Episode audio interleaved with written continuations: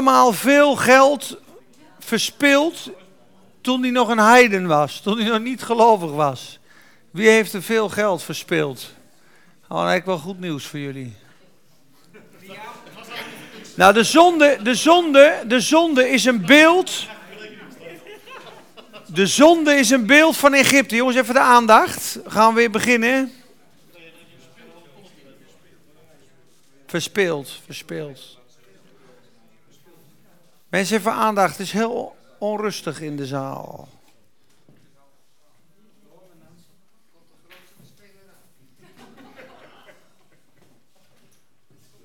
Egypte, het Bijbelse Egypte, is een beeld voor de wereld. Daarom moeten we ook uit Egypte verlost worden. En de Egyptenaren en de harde arbeid, de tichelstenen en bouwen aan de piramides en de schatkamers van Farao is eigenlijk de slavernij die je voor Satan hebt. Je hebt altijd aan het koninkrijk van de balzen meegediend uh, eigenlijk. Op het moment dat iemand in de wereld leeft, is hij geknecht. Hij moet veel werken, hij moet hard werken. Hij zit in de slavernij. Israël had 430 jaar slavernij in Egypte gehad. En God zei, luister, jullie gaan het land verlaten, maar ik ga jullie, we gaan samen, gaan we Egypte beroven. En God heeft met Israël Egypte beroofd. En dat staat zo geschreven. Ga, verzamel de oudsten van Israël en zeg tegen hen: De Heere, de God van uw vaderen, is aan mij verschenen. Dat is Exodus 3, vers 16 tot aan het eind. De Heere, de God van uw vader, is aan mij verschenen, de God van Abraham, Isaac en Jacob. Hij zei: Ik heb zeker naar u omgezien en naar wat u in Egypte wordt aangedaan. Daarom heb ik gezegd: Ik zal u uit de onderdrukking van Egypte leiden naar het land van de Canaanieten. De Hevieten, de Amorieten, de Fericieten, de, nou ja, allemaal Iten, naar het land dat overvloeit van melk en honing. Dan zullen zij naar uw stem luisteren en u zult gaan u en de oude van Israël naar de koning van Egypte en u moet tegen hem zeggen, de Heere, de God van de Hebreeën is naar ons toegekomen. Laat ons toch optrekken drie dagreizen ver in de woestijn, opdat wij de Heere onze God offers brengen. Maar hier zegt God al, hè, maar ik weet dat de koning van Egypte u niet zal laten gaan, ook niet door een sterke hand. Daarom zal ik mijn hand uitstrekken en Egypte treffen met al mijn wonderen, die ik te midden daarvan doen zal. Daarna zal hij u laten gaan. Dus God weet alles al van tevoren. En ik zal dit volk genade geven. Het is in de ogen van de Egyptenaren. En het zal gebeuren dat als u weggaat, dat u niet met lege handen zult weggaan. Elke vrouw moet aan haar buurvrouw en aan haar huisgenoten zilveren en gouden voorwerpen vragen. En kleren, die u uw zonen en dochters te dragen moet geven. Zo zult u Egypte beroven. Dus God gaf in het hart van de Egyptenaren dat ze goud en zilver aan Israël meegaven. Staat ook in Psalm 105. Hij deed hen uittrekken met goud en zilver. Dus het principe hiervan is: alles wat Satan van je geroofd heeft in Egypte, dat mag je terugeisen. Vind je dat mooi? Tot eer en glorie van zijn naam. Je bent beroofd in de slavernij. God geeft genade. En dat kan je bidden. Je mag bidden. Alles wat mij ontroofd is, tuurlijk ben je zelf verantwoordelijk voor de zonde. Tuurlijk. Maar God heeft je genade geschonken. En voor God is het nooit gebeurd. Hij heeft zijn zoon gegeven. We zijn absoluut gerechtvaardigd. En wat wij verpest hebben, wat de kaalvreter u heeft afgevreten, zal ik herstellen.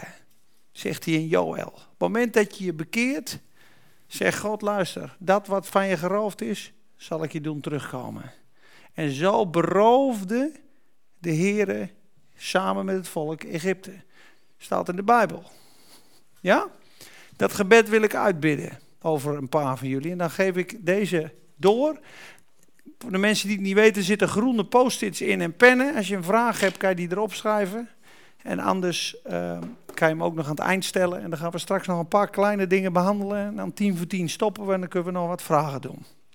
Vader, we danken u voor een zegen voor iedereen die hier staat. Heer, u bent ook de God die meer dan genoeg is. Heer, dat sheet komt nog langer. El Shaddai. Zegende zal ik u zegenen en vermenigvuldigende zal ik u vermenigvuldigen. Heer, uw hart is om ons te zegenen. Ook David, Heer, die keek rond. Aan wie kan ik de goede tierenheid van God bewijzen? En hij vond Mephibozet en wist dat het nog een afstammeling was van Jonathan. En zegende hem. Heer, u wilt ons zegenen. En we lezen in uw woord, Heer, dat u samen met Israël Egypte beroofd heeft. Dat u in het hart van de Egyptenaren gaf dat ze hun zilver en goud meegaven. Zo bid ik, Heer, voor een ieder die hier is. Heer, wat hem ook ontnomen is, wat haar ook ontnomen is. Door de Egyptenaren, door de zonde of door welke situatie dan ook. Of hij er wat aan kan doen of niet. Het maakt niet uit. Heer, u heeft hem of haar vergeven. We zetten die zegen vrij over de levens. En zo beroven we de Egyptenaren in Jezus' naam. En we vragen een zegen over dat geld. Wat het koninkrijk van God zal bouwen. En niet meer het koninkrijk van de wereld. In Jezus' naam. Amen. We hebben aparte gebeden, hè? zijn wel bijbels, hoor. De volgende. Eigenlijk moet je nu zeggen, dank u wel, heer. Nou, daar komt wel wat aan. Kijk, de Almachtige, zijn naam is El Shaddai. En dat betekent de God die meer dan genoeg is. The God that is more than enough. El Shaddai.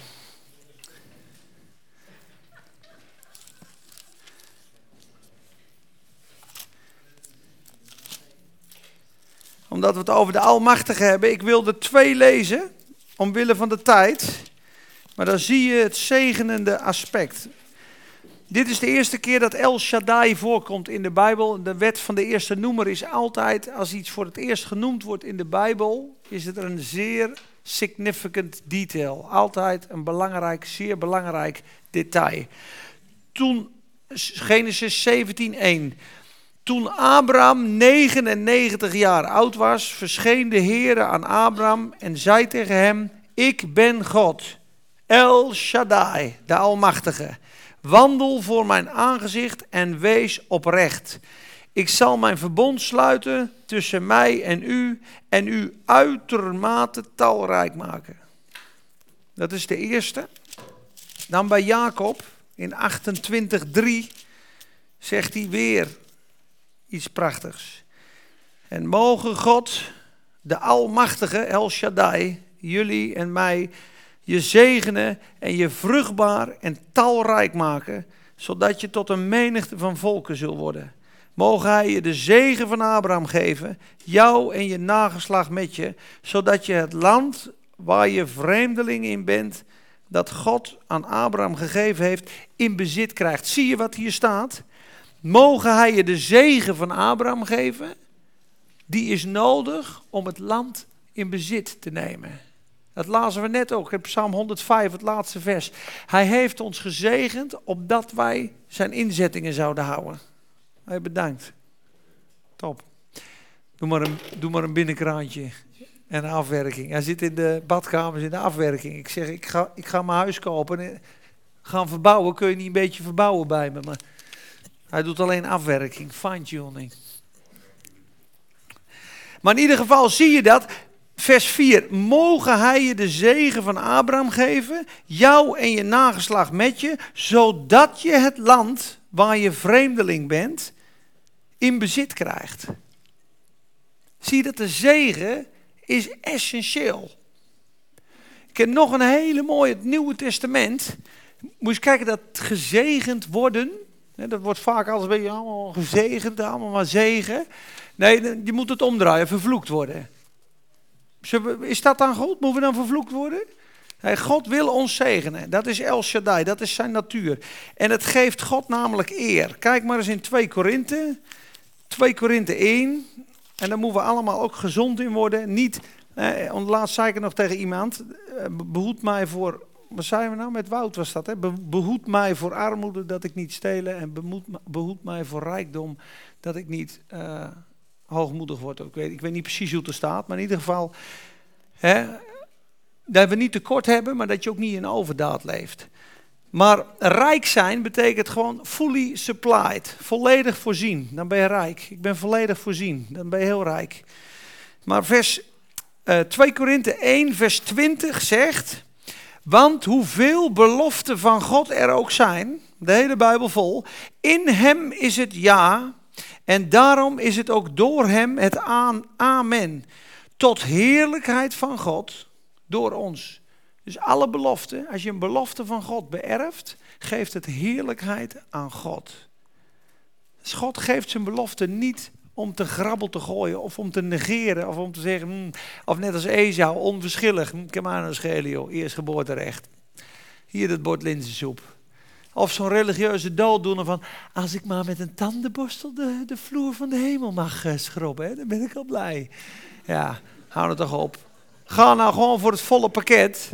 Ga voor de volle zegen, dat geeft God eer. En de zegen van Abraham brengt je de belofte van de geest. Want Galaten 3 vers 14 zegt dat. Opdat wij de zegen van Abraham zouden krijgen. Opdat wij de belofte van de geest zouden ontvangen door het geloof. Dus de belofte van de geest is de rijke Christus. Dat is dat land Canaan, dat rijke land, vloeiende van melk en honing is een persoon. Is Jezus zelf. Wil je Jezus beërven, heb je de zegen van Abraham nodig. En de zegen van Abraham is, volgens Lucas 1, dat hij je geeft om in heiligheid, verlost zijnde van je vijanden, in heiligheid en rechtvaardigheid voor hem doet wandelen, zonder angst. Dus je hebt een positie als een zoon van God. Ja, en je ziet bij Abraham, ik zal zegenen wie u zegenen, ik zal vervloeken wie u vloeken, vervloeken. Abraham was zeer rijk aan zilver en goud. Het staat er gewoon. Abraham zijn vrouw was knap. Abraham was rondom gezegend. Gezegend in alles. Welzalig de man die de Heer vreest. Rijkdom en haven zullen in zijn huis zijn. Psalm 112. Ik heb wel eens mensen gesproken. Ik ga niet geloven, want dan mag je niet meer rijk zijn. Hou maar op. Ik dat staat er gewoon niet. Job was rijk, David was rijk, Salomo was rijk. Tuurlijk is Johannes de Doper arm. Tuurlijk zijn er arme christenen. Tuurlijk is er armoede, prima. Maar rijk zijn is geen zonde. Dat is absoluut onzin. Psalm 112, ga maar lezen, vers 3. Welzalig de man die de Heere vreest. Rijkdom en haven zullen in zijn huis zijn. Gods zaligheid heeft een grote beloning in deze tijd en de toekomende eeuw. In handelingen, er was niemand van hen die tekort had. In handelingen, tuurlijk. Ze verkochten hun huizen, verkochten hun haven, legden het aan de voeten van de apostelen en er werd uitgedeeld nadat iedereen had van noden. Ze zeiden niet, ik heb zes huizen, kijk maar eens. Nee, het mooiste was, ze verkochten die huizen, ze deelden uit. Iedereen had genoeg, dus iedereen was fully supplied. Dus iedereen was rijk. Ze hadden niet tekort. Dat is gewoon gezond Bijbels onderwijs hoor. Ja, ja, precies. God is de God van meer dan genoeg. En dat wil hij zeggen. En eh, kijk, lees maar in 35, 11. Want dan gaat het weer over El Shaddai. Genesis 35, 11. Verder zei God tegen hem: Ik ben God, de Almachtige. Wees vruchtbaar en word talrijk. En een volk, ja, een menigte van volken zal uit u ontstaan. Koningen zullen uit uw lichaam voortkomen. Is weer een zegen. Nou, we gaan naar de volgende sheet, want anders blijf ik hangen. Jezaja 40. Wie heeft dat toevallig thuis nog gelezen? Ik had nog wat op de app gezet. Niemand? Komen bijna niet aan toe hè, in dit drukke wereld. Je moet je vaak voor bidden, jongens. Je dwaalt vaak af. Hè? Dat zegt Hebreeën 2 ook. En, uh, we moeten des te meer ernst geven op de zaken die ons gezegd zijn. Opdat wij niet afdrijven, staat er. Daarom heb je ook de anker van het geloof, de anker van je ziel, voor anker leggen. Als je niks doet in het christelijk leven, drijf je af. Want je zit namelijk in een boot, schipbreuk van je geloof. Niks doen is afdrijven. Daarom moeten wij ernst geven op de zaken, opdat wij niet afdrijven. Ik heb wel eens tijden gehad dat ik heel hoogmoedig werd. Ik denk, oh, ik wil aardig wat bijbelkennis, ik hoef niet aan me zoveel te lezen, joh. Ik weet het allemaal wel. Een hoogmoed. lees niet meer, je wordt hard, je wordt koud, je dwaalt af. En op een gegeven moment, ik kon ook niet meer ontvangen uit het woord. Ik, moest, ik kon ik ook las, ik kreeg het niet eens meer binnen. Een hart en een hoogmoedig hart. Ik moest me er gewoon van bekeren. Gewoon zeggen, wat ben ik voor een hoogmoedige joh. Dank u dat ik uw woord mag lezen. Dank u dat u me genade verleent. Heer, geef mij genade om uw woord trouw te lezen. Dagelijks wakende aan zijn poorten. Spreuken 8:34. Bid het maar. Heer, maak me waakzaam in gebed. Maak mij waakzaam in het Bijbellezen. Ik wil lezen. Op een gegeven moment wordt het je vreugde, joh. Op een gegeven moment ben je aan het lezen denk je, oh man, zo mooi. Deuteronomium 8, Deuteronomium 9. De volgende dag zit je klaar. Hoofdstuk 10, hoofdstuk 10, hoofdstuk 10. Oh, wat staat er, joh. Wat staat er. Prachtig, prachtig. Nee, maar dat gaat echt een beeld voor. Dan loop je door de dag, denk je erover na. Oh, jongen, het gaat het diep, hè. Gaat het diep, hè. Jongen, jongen, hoofdstuk 11. Oh, ja, echt. Ik thuis kom ga ik lezen. Ik ga gewoon lezen. Echt waar. Dat is toch geweldig? Jongen, dit is goud. Miljard, miljard, miljard goud. Het is niet uit te drukken. Het is niet uit te drukken. Gooi het woord van je. Ja, sorry. Maar in ieder geval, het is oneindig veel. Niet enthousiast. Hallo. Halleluja. Vers 12, Jezaja 40. God alleen is de machtige, staat erboven. Wie heeft de wateren van de aarde met de holte van zijn hand opgemeten? Of van de hemel een, met de span de maat genomen? De span van je hand is je duim tot je pink. God heeft het heelal met de span van zijn hand gemeten. En het heelal wordt per seconde 360.000 kilometer groter. Elke seconde. De scheppende kracht van het heelal. Dat is ongekend, hè? De kracht van het licht, die wordt groter. Nu we het nu praten. 3,6 miljoen kilometer groter, het heelal. Het is oneindig. God is oneindig. Dat is niet te bevatten. Er zijn sterren die staan 55 miljoen lichtjaren ver weg. En God, die kent het. Hij is oneindig, onevenarend groot. Het stof van de aarde met een maatbeker, de bergen gewogen in een weegschaal. Wie heeft de geest van de Heere gepeild? Wie heeft hem als zijn raadsman onderwezen? Met wie heeft hij beraadslaagd dat hij hem inzicht zou geven, hem het pad van het recht zou leren, hem kennis bij zou brengen of hem de weg van veel verstand zou doen kennen? Zie, de volken worden beschouwd als een druppel aan een emmer. Alle mensen, jongens, een druppel aan een emmer. Als een stofje op de weegschaal. Zie, hij heft de eilanden op als fijn stof. De Libanon, de woestijn, is niet genoeg om te branden. Zijn dieren zijn niet genoeg voor het brandoffer. Alle volken zijn als niets voor hem. Ze worden door hem beschouwd als minder dan niets en leegheid. Met wie zou u God dan willen vergelijken? Of welke vergelijking zou u op hem willen toepassen? God is ondoorgrondelijk. Het is niet te bevatten, jongens. Dat kunnen we ook niet bevatten. En daarom hebben ze ook, zeggen ze ook, hebben we de eeuwigheid nodig om God te kennen. Daarom zeggen ze ook dat die seraphim, die, die vleugelbedekkers, die zeggen heilig, heilig, heilig. Maar eigenlijk hadden ze vroeger geen uitroeptekens. Dus ze zeggen, dan gaat hij weer, heilig! In de hemel. Ze hebben geen uitroepteken. Als Jezus zegt voorwaar, voorwaar, zegt hij voorwaar, zegt de Heer. Ze hadden geen uitroeptekens. Die zitten daar dag en nacht, hebben ze geen rust. En de hele eeuwigheid schreeuwen ze: Heilig! Omdat God zo oneindig is dat hij telkens een nieuwe laag van zijn heerlijkheid laat zien door de eeuwigheden, eeuwigheden, eeuwigheden, eeuwigheden, eeuwigheden heen. Zo onbevattelijk is God. En wij maar denken dat we straks met een palmtakje staan te swingen en dan na tien minuten, ik word wel moe hier. ah, met een verheerlijk lichaam, in de heerlijkheid. Het is zelfs zo dat er mensen zijn met hemelse ervaringen, die zeiden, nu snap ik ook waarom we een verheerlijk lichaam krijgen, want de emoties in de hemel zijn keer 10.000 ongeveer. Dus de, de verliefdheid en de liefde. Je zou gewoon aan elkaar spatten. Er is zo'n ontzettende intensiteit van liefde en vreugde en heerlijkheid. Dat je in God gezogen wordt. In de kracht van het eeuwige leven. Jongens, het is niet te bevatten. We zouden elkaar springen. Daarom krijgen we een verheerlijk lichaam. Wat een dag. Daar gaan we heen, jongens. Met een God van alle goden. God is God. Jozua 10, en dan stop ik. Maar dan hebben we genoeg gehad voor vandaag. Anders wordt het ook te veel. Dit is wel leuk. Jozua 10. Dit is een gebed dat is verhoord in de Bijbel. En zegt, dit, nog nooit heeft iemand zo'n gebedsverhoring gehad. En het zal ook nooit meer gebeuren. na die tijd, wat, hij met wat, God met jo wat God met Jozua gedaan heeft. Nou, laten we eens even lezen. Jozua 10. Zeg ik dat goed?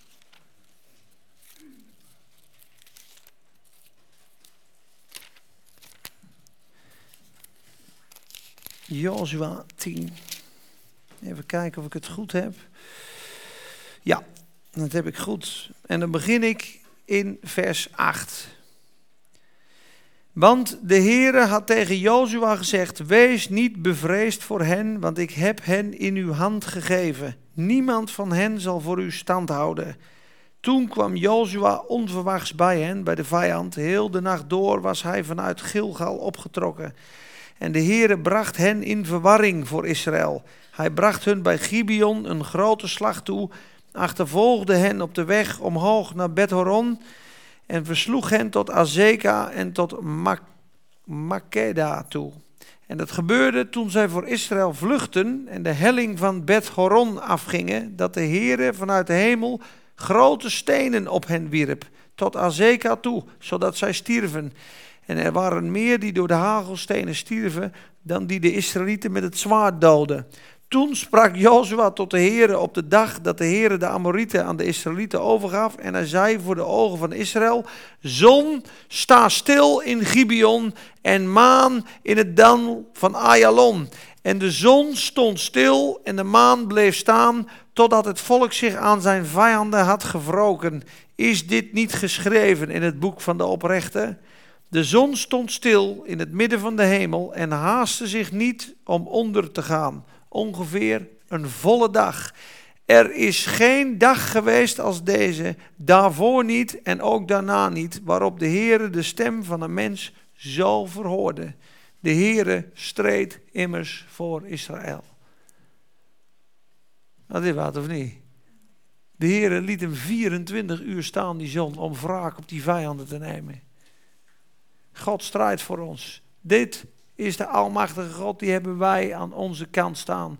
En daarom, als je dit woord kent en we komen in een strijd, God gaat het ook tegen ons zeggen. Ik heb ze in uw hand gegeven, ze zullen niet kunnen blijven staan. Wie op de Heer vertrouwt, zijn als de berg Sion, die niet bewogen kunnen worden. Zoals de bergen rondom Jeruzalem zijn, zo is de Heer rondom zijn volk. Van nu aan en tot een eeuwigheid. Amen.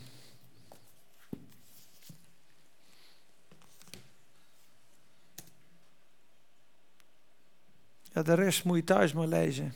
Job 38. De sneeuw, de sterren, de dieren, de oordelen. Dan zegt God ook tegen Job van, wat, wat weet je nou allemaal? Ga jij de prooi voor de leeuw vangen? Ga jij de kraaien voedsel geven? Weet jij hoe de Orion zit? Weet jij waar de adelaar zit? Weet je hoeveel regen er morgen moet vallen of niet? Dus beschrijft hij daar. En ook de schatkameren van de hagel die God bewaard heeft voor de laatste oorlog en de laatste slag. Je zag nu al hagelstenen op zijn vijanden. Je zag het hagelstenen in Egypte en je zag die vurige hagelstenen in openbaring. God heeft gewoon schatkamers klaar voor die dag. God weet alles van tevoren. God heeft het van A tot Z en zit rustig in de hemel. Psalm 2 vers 4, hij lacht zijn vijanden uit. Amen.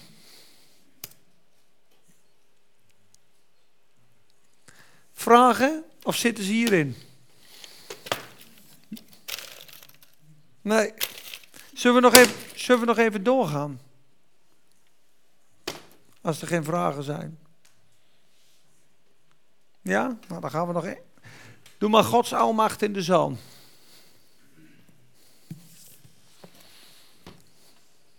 Ja.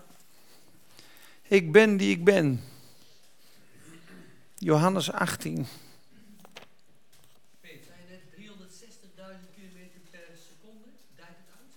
Ja.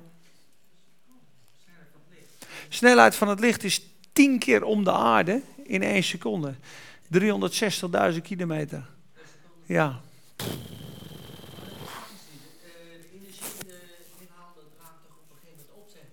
Ja, maar God is oneindig. Maar dat het dan steeds uitdijt, ja. dan komt steeds meer energie bij, weet je wel? Ja, ja. Vraag het hem, zijn naam is Raad. Nee, ja, nee. Ik, ik, uh, ik heb daar geen menselijke verklaring voor. Echt niet. Het is uh, bijzonder.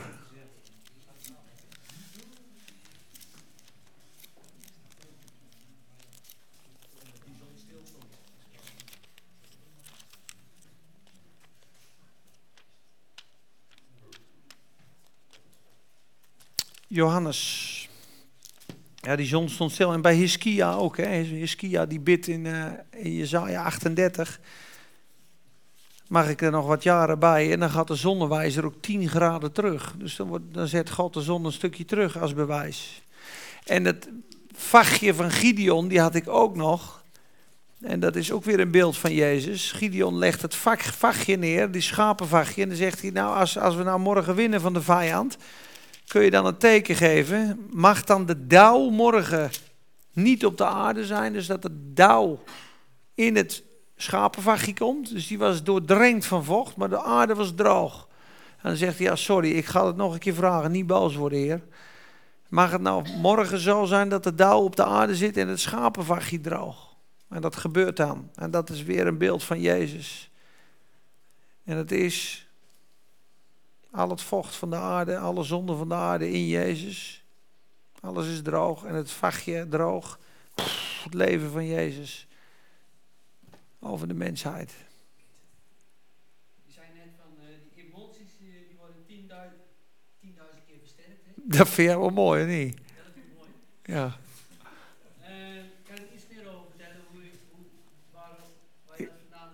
Ja, dat, heb ik, dat, dat is puur uit een. Uh, kijk, dat is natuurlijk een getal wat mensen eraan geven. Maar er zijn mensen met ervaringen geweest, hemelse ervaringen.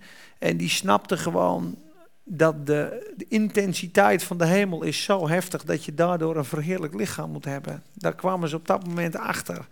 Hey, ik kan natuurlijk wel nagaan dat als God een stem heeft als vele wateren en als donderslagen. En dat als hij één ding zegt, dat Johannes als dood voor zijn voeten valt in openbaring, dat dat een gigantische almacht is. Dat we straks in de hemel, in de heerlijkheid zijn.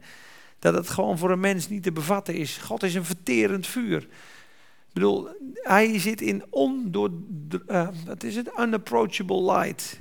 1 Timotheus 6, 16. God is almachtig en woont in ontoegankelijk licht.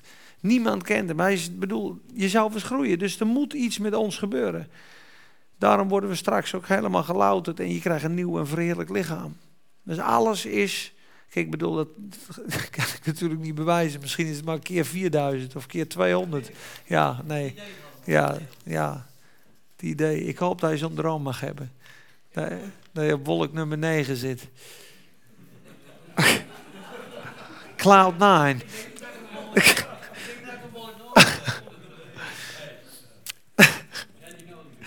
De gevangenneming van Jezus. Hoofdstuk 18.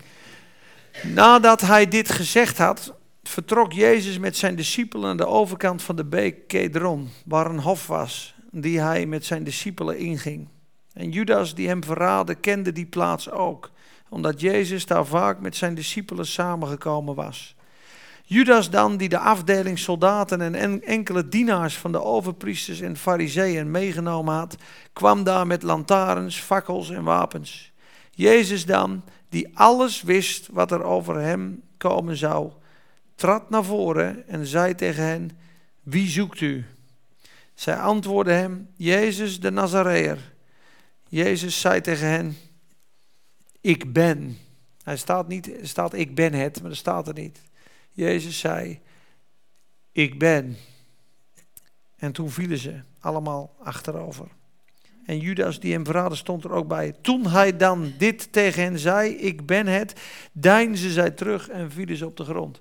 Dus de kracht van Jezus woord is de almacht van ik ben. Ik ben God, zegt hij daar. Ik ben het. Ze vallen allemaal plat. En hij wist van tevoren wat er zou gaan gebeuren. Daarom kun je hier weer zijn almacht zien. Hij laat zich pakken. Hij is niet vermoord. Hij heeft zijn leven neergesteld. Kan ik niet twaalf engelenlegers bidden? Maar dit moet geschieden. Hoe zou anders de schrift vervuld worden? Aan het kruis zeggen ze, kom er vanaf. Hij had toch in een vingerknip. Maar dat had de wil van God niet gedaan geworden. Hier zie je ook weer Gods kracht en Gods almacht. En ik had nog Psalm 23, waar alle namen van God in verborgen zijn omdat ik, als je de volgende doet, dan zie je dus, dit, God heeft nog meer namen. Maar als je bij Jehovah Nissi kijkt, de Heer is onze banier, de Heer is mijn herder. Jehovah Rafa. Kleine letters? Ja, die blauwe kun je niet lezen. Oké, dat doen we in Nederland. De Heer onze banier, de Heer is mijn herder, de Heer onze heelmeester, de Heer is daar, de Heer onze gerechtigheid, de Heer onze voorziening en de Heer onze vrede. Dus dat is Nissi, Raha, Rafa, Shama, Tsitkenu, Jire en Shalom. Die zeven, sommigen weten dat al en Nienke had hem op de app gezet, die zitten allemaal verborgen in Psalm 23. Laten we daar maar mee afsluiten. En dan gaan jullie zeggen wie wie is. De Heer is mijn herder. Welke zou dat zijn? Jehovah Raha. Maar, maar het is echt mooi hoor. Maar als de naam van God spreekt voor wie hij is. Dus als Jezus echt je herder is, dan word je dus geleid door hem. Mij ontbreekt niets. Zie je, daar hij weer de voorziener. Hij doet mij nederliggen in grazige weiden. Hij voert mij zachtjes aan zeer stille wateren. De Heer is mijn vrede. Hij verkwikt mijn ziel. He restored my soul.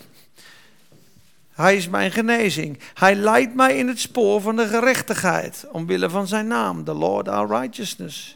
Al ging ik door een dal vol van schaduw en dood, ik zou geen kwaad vrezen, want u bent met mij, uw stok en uw staf, die vertroosten mij. De banier. Zie je dat? Mooi hè? U maakt voor mij de tafel gereed voor de ogen van mijn vijanden. Weer de voorziening. U zalft mijn hoofd met olie, mijn beker vloeit over. Goedheid en goede tierheid zullen mij volgen al de dagen van mijn leven. Ik zal in het huis des Heren verblijven tot in lengte van dagen. De Heer is al daar. Dat is de naam van de stad. Hè? De Heer is al daar. Jehovah Shammah. Laatste vers van Ezekiel. En de naam van de stad zal zijn Jehovah Shammah. De Heere is al daar. Dat is het einddoel. Tuurlijk! nee, maar het is een mooi aspect van, de, van God. Maar is, is hij jouw Shama? Is hij jouw woonplaats? Ben je, ben je er daar of ben je er ook nu?